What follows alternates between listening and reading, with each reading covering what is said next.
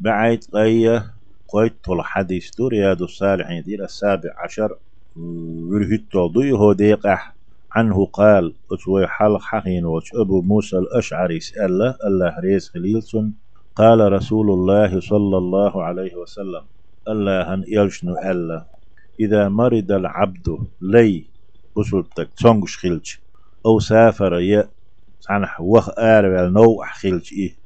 إيش نيقن ويتش تخلج حان يشي دوز القاب يا علم عامو يا جرجر تقولش تخوات رزق لخ إشت آروال خلشي عيش آوروال آروال خلش تخلشتو إذا؟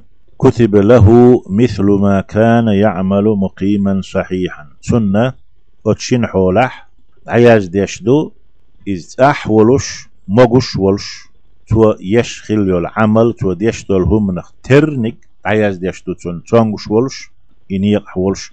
تونغش ولش تنغا مغش ولش يعني تدلش دول تعمش كيل دي سن خلمجا نيق والشي وين خوشتو شلامز دي ركعتول شلامز اتشين لامزخ حن خينح تتا وز دات ديش دميك شتوي هتي سنة إذا تحورش تو دزن ديش ول يال ياز يشو إذا رواه البخاري حديث بخاري ستيسنا ديك النيقش دقا خلارخ تحن يقبو إذا